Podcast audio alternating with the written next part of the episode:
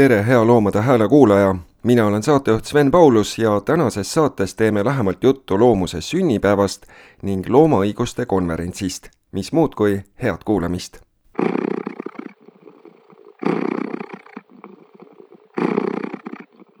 Räägime siis täna lähemalt loomusest ja loomuse sünnipäevast. mul on hea meel tervitada üle Zoomi on Anu Tensing, Anna-Liisa Post ja Sirlis Bellmann alustuseks räägimegi siis lähemalt sellest, et äh, mida on loomus sel aastal esimeses kvartalis ära teinud? me oleme päris palju asju ära teinud, et äh, see tegemise käigus võib-olla ei tundugi, et nii palju on asju teha, tehtud, aga kui hakata nüüd tagasi vaatama, siis tegelikult neid asju on kogunenud äh, päris palju, et juba näiteks see, et me siin Anu ja Sirliga oleme uus juhatus ehk siis siin kohe aasta alguses meil oli juhatuse muutus. et siis äh, meie oleme siis värskelt nii-öelda ametis ja kindlasti on olnud hästi palju edasiminekuid äh, karusloomafarmide keelustamise eelnõuga seoses. Et aasta alguses meil tuli rõõmus uudis, et kunagises Eesti suurimas karusloomafarmis enam loomi ei ole. Nüüd oleme siin vahepeal suhelnud aktiivselt äh, poliitikutega, saime kokku ka keskkonnaminister Tõnis Möldriga. Ja ka keskkonnakomisjon on seda teemat nüüd hakanud aktiivselt äh, jälle menetlema. loodetavasti juba maikuus tuleb teine lugemine ja väga loodaks, et nüüd siin suve alguses saaks siis ka selle eelnõu vastu võetud. et praegult meil on küll väga sellised positiivsed emotsioonid sellega seoses ja siin just äh, hiljuti tuli ka Keskkonnaministeeriumilt äh, väga hea uudis, et ka nemad toetavad seda eelnõud, mis on hästi suur võit, sellepärast kuna varem nad on alati olnud sellele eelnõule pigem vastu, need on olnud karusloomafarmerite poolt, aga nüüd ähm, Keskkonnaministeerium siis on ka meie loomade poolt ja keskkonnaminister tõi ise ka välja, et tema jaoks on just olulised siin see eetiline pool aga ka Covid-19 levik mingifarmides. et õnneks Eestis küll mingifarme praegult ei ole, aga kuna meil ei ole keeldu vastu võetud, siis tegelikult ei saa ju kuidagi eh, tagada seda, et keegi ei otsusta nüüd, et ta tuleb siia Eestisse ja hakkaks näiteks eh, minke kasvatama.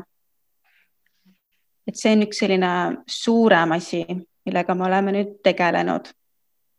Äh, aga on olnud ka palju teisi asju, näiteks äh, siin arm, armsa kala kampaaniaga oleme edasi liikunud, et sellel teemal võib-olla Anu oskab täpsemalt rääkida, et tema on siin neid asju meil eest vedanud.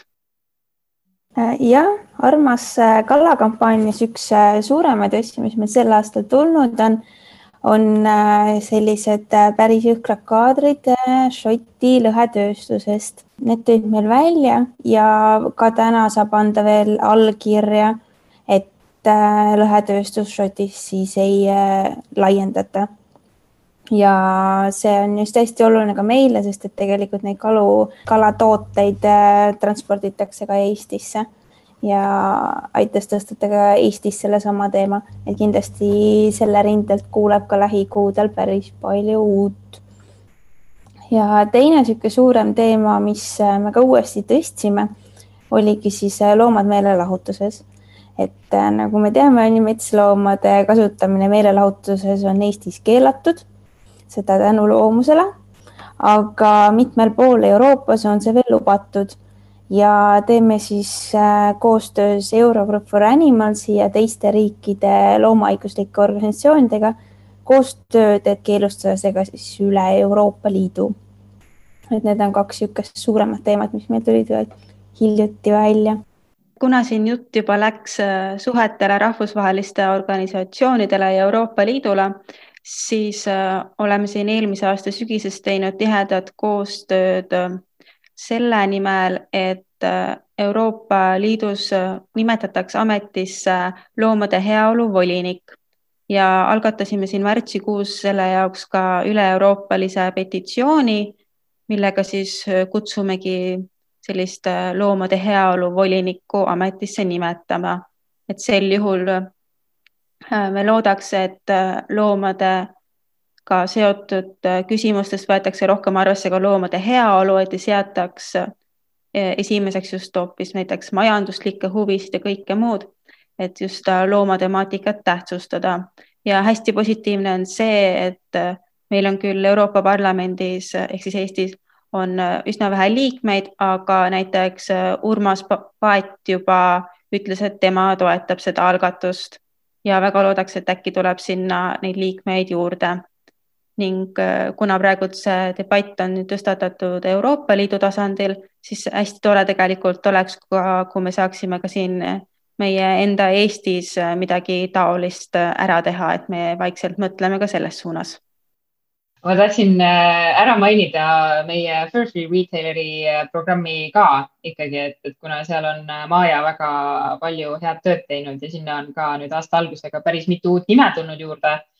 ja minu teada me läheneme siin juba seitsmekümnele disainerile, kes on siis või seitsmekümnele osalejale siis selles programmis äh, lähiajal, et et suur aitäh selle, selle suure töö eest ka. Aga mina tahtsin omalt poolt äh, mainida siis meie loomasõbraliku ilu töögruppi, et kuna see on ka selline ikkagi võrdlemisi veel värske, et eelmise aasta lõpus see, see meil kokku sai, aga tegelikult ka seal me oleme juba päris palju erinevaid asju ette võtnud ja tegelikult ära teinud, et, et noh, rääkides siis erinevatest artiklitest äh, olulistel teemadel, mis just puudutab siis äh, loomasõbralikkust kogu selles äh, ilumaailmas ja, ja siis noh, sellistes nagu nahahooldustoodete maailmas. aga meie oma Grete on siis teinud ka erinevaid äh, Instagrami laive, näiteks siis äh, katsalongist Renaldoga ja Muruheidega ja siis kõige esimene oli ka Helen-Marts Kesavälga ja rääkisid siis just nendel samadel teemadel, et kuidas saab siis erinevates valdkondades ilumaailmas olla loomasõbralik ja, ja tegime siis omalt poolt ka sellise väikse tarbijakäitumise uurimuse, et, et kus me siis jagasimegi seda väga erinevatesse ähm, kanalitesse ja gruppidesse, et saada siis teada inimeste tarbimisharjumuste kohta just, mis puudutab siis ilu ja nahahooldustooteid. ja, ja nende tulemustega siis hakkame ka siin lähiajal äh, tööle ja, ja vaatame, kuidas seda siis ära saaks kasutada. ja kui vaatame nüüd eelseisvale aastale veel peale mida on päris äh, mitmed kuud järgi jäänud. mis on plaanis, mida Loomus äh, kavatseb teha sel aastal? siin kohe mai alguses on tulemas meil rahvusvaheline loomaõiguste konverents, mis äh, sel aastal toimub juba kuuendat korda. et meil alguses oli küll plaan, et korraldame selle Viljandis pärimusmuusika aidas, aga kuna praegult on igasugused piirangud, siis tegime juba ammu plaani, et see ikkagi ei ole mõt-, mõttekas, et teeme selle näost näkku, vaid kolisime hoopis veebi, mis on tegelikult selles mõttes hästi tore, et siis äh, saavad kõik inimesed, kes soovivad osaleda, nad ei pea kuhugi kohale tulla, tulema, et võivad kasvõi, ma ei tea, äh, diivanil lebada ja kuulata. Ja saavad just kuulata neid ettekandeid, mis neile endale meeldivad aga muidugi need, kes ikkagi ei saa sellel ajal kuulata, nemad muidugi saavad pärastpoole vaadata videoid nendest samadest ettekannetest, sest et kogu konverentsi ka salvestatakse. ja see on siis kõigile tasuta ja inglise keeles ja ma arvan, et sealt tuleb päris palju hästi põnevaid ettekandeid ja tuleb ka sealt äh, nii Euroopast äh, kaugemalt, aga siit ka meie äh, enda Eestist inimesi ja millised on need peamised teemad, mis sel aastal konverentsil jutuks on? konverentsi nimi on Animal Futures, et äh, peamiseks äh, teemaks ongi siis nagu tulevikuvisioonid inimeste ja loomade vahel. et hästi palju selliseid äh, nagu filosoofilisemaid äh, teemasid on ja kõik äh, see konverents on jaotatud erinevateks paneelideks või aruteluringideks et selle järgi on ka hästi huvitav vaadata, näiteks on äh, mitte inimloomad keeles ja kultuuris, on äh, veganlus ja sotsiaalne õig äh, õiglus on eraldi äh, vestlusring. et äh,, et selle programmiga saab tutvuda ka Loomuse kodulehel, et seal leiab teemade alt üles äh, loomaõiguslik konverents ja õige pea tegelikult ootab ees ka loomuse sünnipäev, mis on plaanis sünnipäeva puhul? Ja sünnipäev ongi meil nüüd reedel, kolmekümnendal aprillil, et oleme siin terve nädala seda vaikselt juba tähistanud. nädala alguses tuli meil välja Astris e-pood, mis on see üks selline teema, mida me oleme loomuses juba tükk-tükk aega arutanud, et tahaks midagi sellist teha ja nüüd äh, lõpuks ometi äh, see unistus siis läks ka täide ja seal on müügil meie uued pusad, kolm erinevat kujundust on mille siis on meie vabatahtlikud kujundanud. Ja need on hästi armsad, et meile endale küll väga meeldivad ja loodame, et äh, teistele ka meeldivad. ja lisaks siis sellele e-poele, mis meil välja tuli, oleme sellel nädalal ka tutvustanud meie erinevaid programme sotsiaalmeedias. Ehk siis inimestele teada anda rohkem, et millega me üldse tegeleme ja mis meil äh, siin niimoodi plaanis on ja mida me teeme ja siin äh, päris sünnipäeval ehk siis reedel meil tuleb ka üks äh, hästi vahva video, mis meil endal küll on äh, naeratuse suule toonud ja südamine kiiremini niimoodi plõksuma pannud, et loodame väga, et teistele ka see video meeldib. sügisel ootavad ees ka kohalike omavalitsuste valimised, mis on Loomusel selles osas plaanis? jah, kohalikud valimised on tulemas ja nagu alati Loomus sel ajal on teinud teeme me enda poolt kõik, et inimestel oleks siis lihtsam äh, valida äh, siis loomasõbralikumate kandidaatide poolt. et sellel kindlasti tasub nagu silma peal hoida, et suve lõpupoole on kindlasti väga palju aktiivset sellest kuulda juba.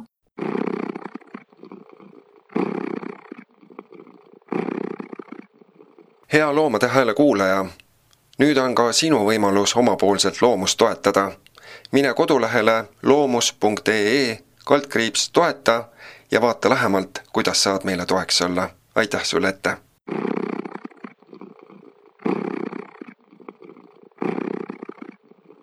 Kadri Taperson, Loomusel on sünnipäev tulemas. kui võtame korra, vaatame sellesse algusesse, kuidas üldse Loomus alguse sai? sina oled üks asutajatest.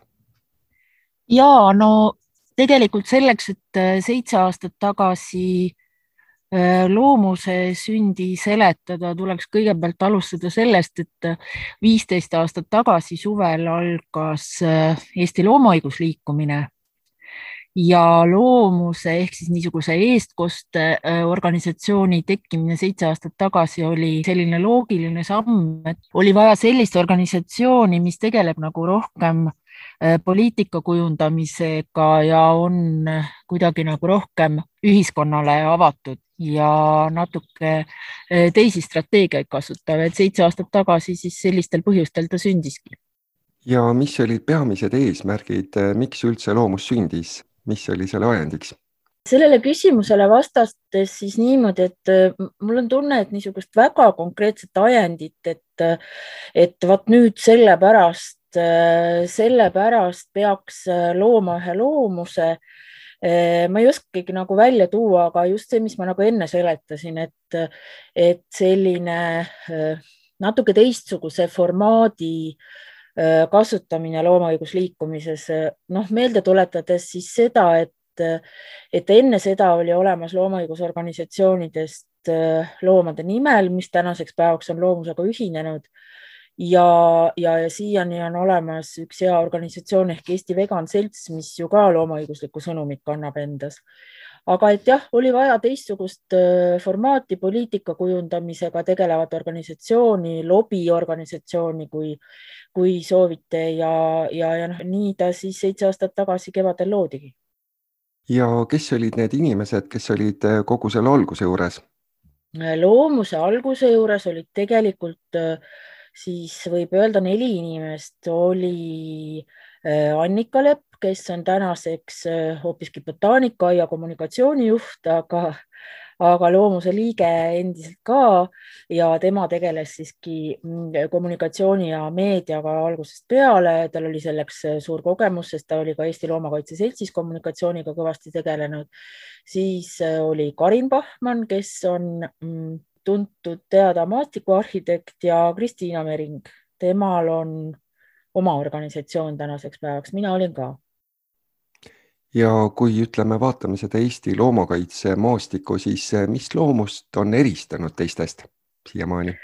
no ma tahaks öelda, et professionaalsus ja järjekindlus ja ka väga tugev oma, oma siis veendumustele, põhjendatud veendumustele kindlaks jäämine. Ja ilmselt ka väga tugev selline globaalne kontaktvõrgustik. Järjepidevus eelkõige, et noh, minul näiteks on ju väga hea meel selle üle, et ma kaks aastat tagasi Loomuse juhatuses tegutsemise lõpetasin, jäin lihtliikmeks. Ja tänaseks päevaks mul on nagu nii suur rõõm ja kergendus sellest, et, et loomus toimib sama tugeva organisatsioonina edasi, et mitte nüüd iseennast üle tähtsustada Äh, mitte seda ma ei mõelnud, aga tihtipeale on nii, et kui asutajad või vedajad hakkavad tegema midagi muud või väsivad ära, siis võib ka organisatsioon nagu kuidagi longu vajuda, aga loomusega seda ei juhtunud. ja kui vaadata nendele aastatele tagasi, mida loomus on saavutanud Eesti loomakaitsemaastikul? Loomus on minu arvates saavutanud selle, et loomade õigused, loomadesse suhtumine on äh, tugevalt ühiskondlikes aruteludes. see on põhiline saavutus.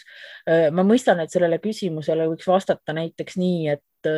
et äh, karusloomakasvanduste väljasuretamine, sest tegelikult see on ju toimunud, eks ole, ja see keelustamine iseenesest, mis on tulemas, on selline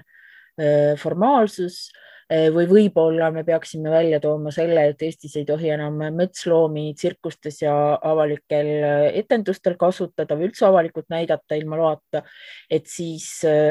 siis noh, need on niisugused konkreetsed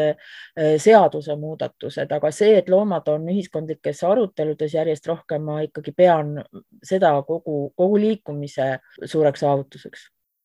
ja tegelikult see on ju päris suur asi, et äh, inimesed, kes on aktiivsed ja seisavad mingisuguse maailmavaate eest, suudavad tegelikult seadusemuudatusi läbi viia või minnagi Riigikogusse, rääkida inimestega, poliitikutega ja noh, teha tegelikult muutusi jah, vot äh, see ongi see niisugune keeruline asi, et ega tegelikult ju ühiskonda ei saa muuta ainult läbi seaduste muutmise, et sa tegelikult ju äh, pead muutma inimeste mõtlemist, et äh, et ühiskond oleks mingisuguseks seadusemuudatuseks valmis, nii et noh, ütleme siis looma õiguste ja, ja noh, ilmselt igasuguse sotsiaalse, sotsiaalsete õigustega tegeleva seltskonna põhi, äh, põhimure või põhiasi, mis võib neil jalad alt ära lüüa, on ju see, et, et nad peavad tegelema nagu kõigega. noh, ma ei tea, looma, loomakaitse või kitsamalt loomaõiguste puhul äh, peavad ju needsamad inimesed tegelema, äh, tegelema sellega, et seletada inimestele, et kassid võiks ära steriliseerida ja samal ajal siis seadusi muutma, et ja miks ma, miks ma rõhutan, rõhutan sõna peavad, on see, et neid inimesi ju kannustab tegelikult peamiselt nende enda südametunnistus ja empaatia, aga ka teadmised, mis nad on kogunud, et kui nad ikkagi on aru saanud, et midagi on väga valesti, siis ja, ja on nagu nii-öelda kuradile sõrma andnud ehk siis aktivistiks hakanud, siis nad tegelevad väga laiapõhjalise noh, äh, muudatuste äh, paletiga, kui nii võib öelda, aga seaduste muutmine sealhulgas on muidugi väga oluline. ja üks äh, suuremaid asju, mis praegu väga päevakorral on karusloomakasvatuste keelustamine Eestis. see eelnõu on nüüd kolmandat korda Riigikogus. hetkel on tulnud positiivne uudis, et Eesti keskkonnaminister toetab selle lõpetamist. kuivõrd suur samm see on? Meil oli keskkonnaministriga koos Loomuse praeguse kommunikatsioonijuhi Anna-Liisa Postiga eh, mõned nädalad tagasi nendest asjadest juttu. Ja, ja ega ma ei oskagi öelda, mis viis teda sellise, eh, sellise seisukohani, aga ma arvan, et niisugused seisukohad eh, ühel ministril või ükskõik millises, millisel poliitikas tegeval inimesel ei tule nagu ühe päevaga, et tõenäoliselt on ikkagi kogunenud piisavalt palju argumente ja ka tema rõhutas oma avaldustes ju seda, et, et teda ajendab niimoodi arvama just nimelt eetiline pool kogu teema juures. et, et see on tõenäoliselt võtnud aega, aga see on väga hea märk sellepärast et veel mõni aasta tagasi oleks eh, keskkonnaministril, kes siis iganes parajasti seda oli, eh, olnud seda keerulisem mm, siis avalikult välja öelda, kuigi ta võis sisimas, noh, ma räägin täiesti mittepersonaalselt praegu, eks ju, et ta võis sisimas olla selle poolt, aga ei olnud poliitiliselt õige aeg seda välja öelda. see, et üks minister seda saab välja öelda, näitab seda, et, et nii saab juba teha aga kogu see teema muidugi on niisugune, et nagu sa võid arvata, siis kõik aktivistid on sellest ikka üsna tüdinenud juba, et, et kui see nüüd lõpuks ära keelatakse, siis, siis ma isiklikult arvan, et mul võib olla nagu täpselt sama mitte midagi tundev tunne, nagu oli selle metsloomade tsirkuses äh, esinemise keelustamisega, et see kõikide selliste otsuste taga on paljude inimeste täiesti ennastsalgav ja ennast kulutav aastatepikkune töö, et sellised asjad ei tule üldse kergelt ja kui see otsus lõpuks käes on, siis on nagu selline, et, et okei okay,, aga et noh, see valdkond on nii lai ja meil on vaja veel nii paljude asjadega tegeleda, et see oli ainult üks väike asi. aga see nüüd on noh, minu isiklik avaldus, tegelikult on ju, äh, tegelikult on tegemist loomulikult äh, väga suure otsusega ja mis mõjutab ka järgmisi otsuseid ja üleüldist loomadesse suhtumist, ma arvan millised on täna peamised argumendid karusloomafarmide keelustamise poolt, kui me Eesti konteksti vaatame? See on väljasurnud tegevusala, mis põhjustas väga paljudele loomadele kannatusi, see ei ole ka teab mis hea töö ühelegi inimesele kasvatada loomi tapmiseks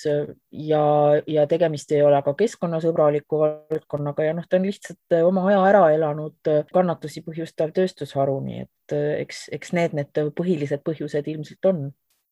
Kadri, mis innustab sind loomaõiguste eest seisma?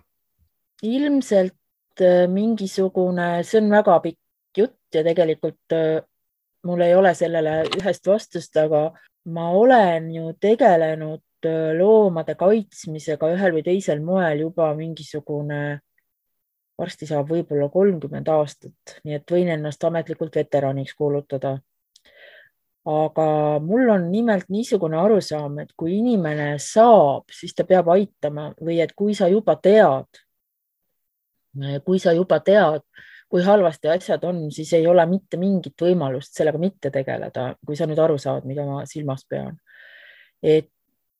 äh, mind ikkagi kannustab see, et, äh,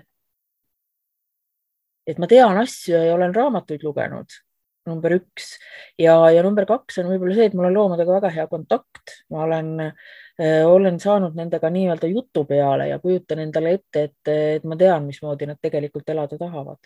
mai alguses on ka loomaõiguste konverents tulemas. mis sellel aastal teemaks on? see konverents on tänavu ainult veebis, teatud põhjustel muidugi, millest me kõik aru saame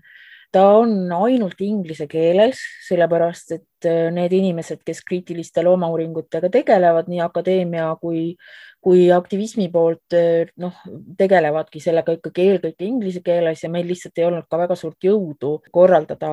heal tasemel sünkroontõlget veebikonverentsile ja pealkiri on tal sestap Animal äh, Futures. Ehk me siis üritame vaadata nagu tulevikku, et, et mida tegelikult peaks uurima, muutma, tegema selleks, et tulevikus äh, oleks nagu sotsiaalne õiglus äh, laieneks ka loomadele, teistele liikidele ja et,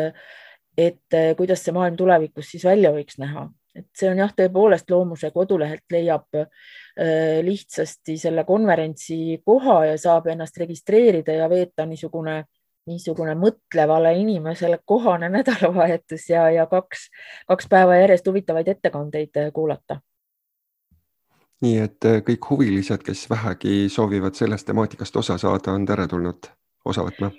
ja me ei, me kindlasti ei kitsenda seda sihtgruppi, et võib ju arvata, et noh, et äkki see on rohkem nagu tudengitele või seal akadeemia poolele, aga ei. see konverents toimub kuuendat korda ja, ja me oleme nagu eelmiste konverentside publikut analüüsides saanud aru, et seal on ikka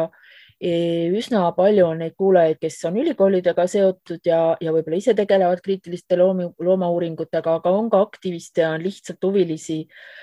kes, kes tahavad üht või teist ettekannet kuulata ja, ja see aasta on see ju eriti lihtne, sellepärast et kui on veebikonverents, siis sa saad valida endale võib-olla paar valdkonda, mis huvitavad rohkem ja, ja siis neid kuulata, esitada ka samal ajal seal, see toimub Zoomi keskkonnas, Zoomi keskkonnas küsimusi. Ja see konverents on ka sellepärast niisugune tore, et me üritame mm, sellele lisada ka ka, ka mõningad niisugused lisaüllatused, mida saab siis äh, kohvipauside ajal läbi veebi jälgida ja esimesel õhtul me teeme ka väikese veebipeo, kus me võime kõik omavahel tuttavaks saada, et ei ole lihtsalt nii, et sa sisened, sisened konverentsikeskkonda ja, ja kuulad ja ise üldse ei osale, aga, aga ikkagi ikkagi katsud ka nendest toredatest inimestest rohkem teada saada. see oli päris keeruline korraldamine, sellepärast et meil on nii erinevatest ajatsoonidest esinejad, et, äh, et esimene esineja, ma ei mäletagi, kas see oli siis nüüd pühapäeval või, või laupäeva pealelõunal peab tegelikult ärkama kell viis Mehhikos üles, et üldse oma ettekandega kuskile jõuda, et kuidagi väga globaalne ja väga sisukas on see konverents seekord välja tulnud, et Brasiilia, Mehhiko, USA, väga palju Euroopa riike ja, ja, ja ettekandeid nii akadeemia kui aktivistide poolt ja noh, näiteks meie konverentsil ju räägib ju ka Ronnie Lee, kes on legendaarne Animal Liberation Frondi äh, asutaja, nii et ma arvan, et see, see kooslus on seal päris äh, ainulaadne. igal juhul äh, kõlab väga põnevalt, mai alguses see kõik saab toimuma. jah, just loomuse kodulehelt ja Facebookist äh, vastava ürituse alt saab jooksvalt infot, see on kaheksandal ja üheksandal äh, mail kahepäevane. seda korraldab niisugune kümneliikmeline entusiastide grupp äh, loomusest Eesti Vegan Seltsist, kellest mõned ka siis sinna Tallinnasse kohale tulevad ja katsuvad seda ülekannet võimalikult kvaliteetselt teha, nii et ma ise ootan ka juba väga suure põnevusega, kuidas see kõik välja tuleb. väga vahva igal juhul suur-suur tänu sulle, Kadri, selle intervjuu eest. ja aitäh sulle. ja soovin ilusat kevade jätku.